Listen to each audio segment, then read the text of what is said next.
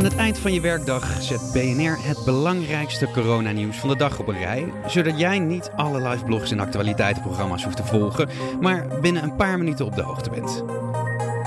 Ik ben Connor Klerks en dit is de Coronacast van 17 maart. De dag dat we in deze podcast, in elk geval voorlopig, stoppen met het melden van besmettingscijfers. Dat zit zo. Het RIVM zei afgelopen weekend al tegen BNR dat die cijfers nu geen reëel beeld meer geven en dat er aan een nieuwe methode wordt gewerkt. Wanneer dat zover is, ja, dan hoor je natuurlijk weer gewoon besmettingscijfers. Mocht je nou denken, waarom klinkt de geluidskwaliteit van deze podcast elke dag een beetje anders de laatste tijd? Nou, dat komt omdat BNR, net zoals de meeste mensen in Nederland, thuis werkt. Dus vaarwel mooie studio.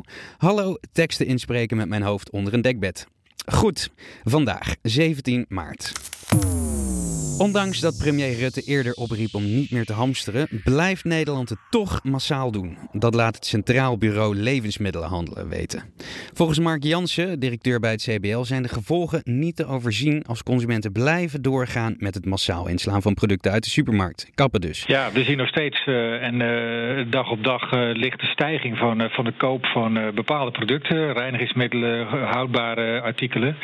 En ja, wij roepen op aan consumenten: doe het niet. koop geen extra voedsel of, of wc-rollen.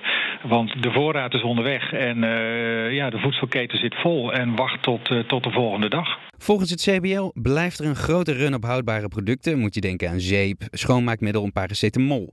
Albertijn bevestigt dat.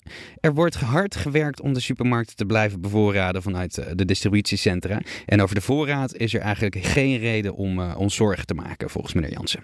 Nou, wat, uh, wat supermarkten doen is voorrang geven aan de producten die, die heel hard gaan nu.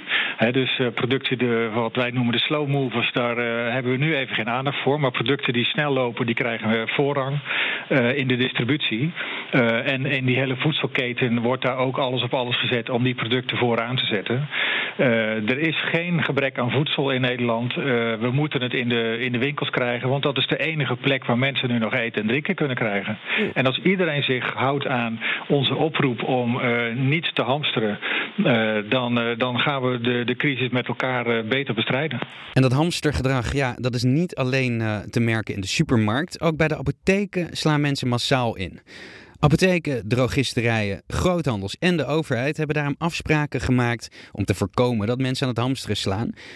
Mensen die medicijnen gebruiken, die kunnen de benodigde hoeveelheid meekrijgen, maar ze mogen niet bijbestellen. De beurzen dan. Beleggers vrezen voor een financiële crisis door de uitbraak van het coronavirus. Op de beurs zakken de koersen al harder weg dan in 2008, het jaar dat de kredietcrisis uitbrak.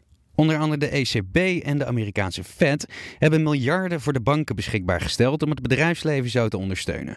Ook mogen banken wat coulanter zijn als klanten niet aan hun betalingsverplichtingen kunnen voldoen. Voor banken dreigen grote verliezen als grote en kleine bedrijven die omzet zien wegvallen of helemaal sluiten, straks hun leningen niet meer kunnen afbetalen. De overheid heeft daarom maatregelen genomen. Het kabinet, werkgevers en vakbonden zijn het in grote lijnen eens over een groot steunpakket voor ZZP'ers en ondernemers die in de problemen komen door de coronacrisis. Wat die steun inhoudt, dat wordt dinsdagavond pas bekend. Ja, als je van uh, voetbal houdt, Slecht nieuws. Het Europese kampioenschap voetbal gaat deze zomer niet door. Dat heeft de UEFA besloten na een overleg met 55 landen. Het EK zou op 12 juni beginnen, maar is vanwege het coronavirus een jaar uitgesteld. Dus zomer 2021 wordt het. Dan nog even de cijfers van vandaag. Het RIVM maakte vanmiddag de nieuwe cijfers over het coronavirus bekend. Sinds gisteren zijn er 19 mensen aan het virus overleden. Het totaal komt daarmee op 43. De leeftijd van de nieuwe slachtoffers ligt tussen de 63 en de 94 jaar. Scholieren die examen moeten doen, mogen daar gewoon voor naar school. Dat heeft het ministerie voor Onderwijs, Cultuur en Wetenschap dinsdagmiddag besloten. Er zijn wel voorwaarden aan verbonden. Leerlingen die examen doen en docenten die toezicht houden, mogen geen klachten hebben. Tot zover de coronacast van 17 maart. En in de woorden van Mark Rutte. Let een beetje op elkaar. Ik reken op u.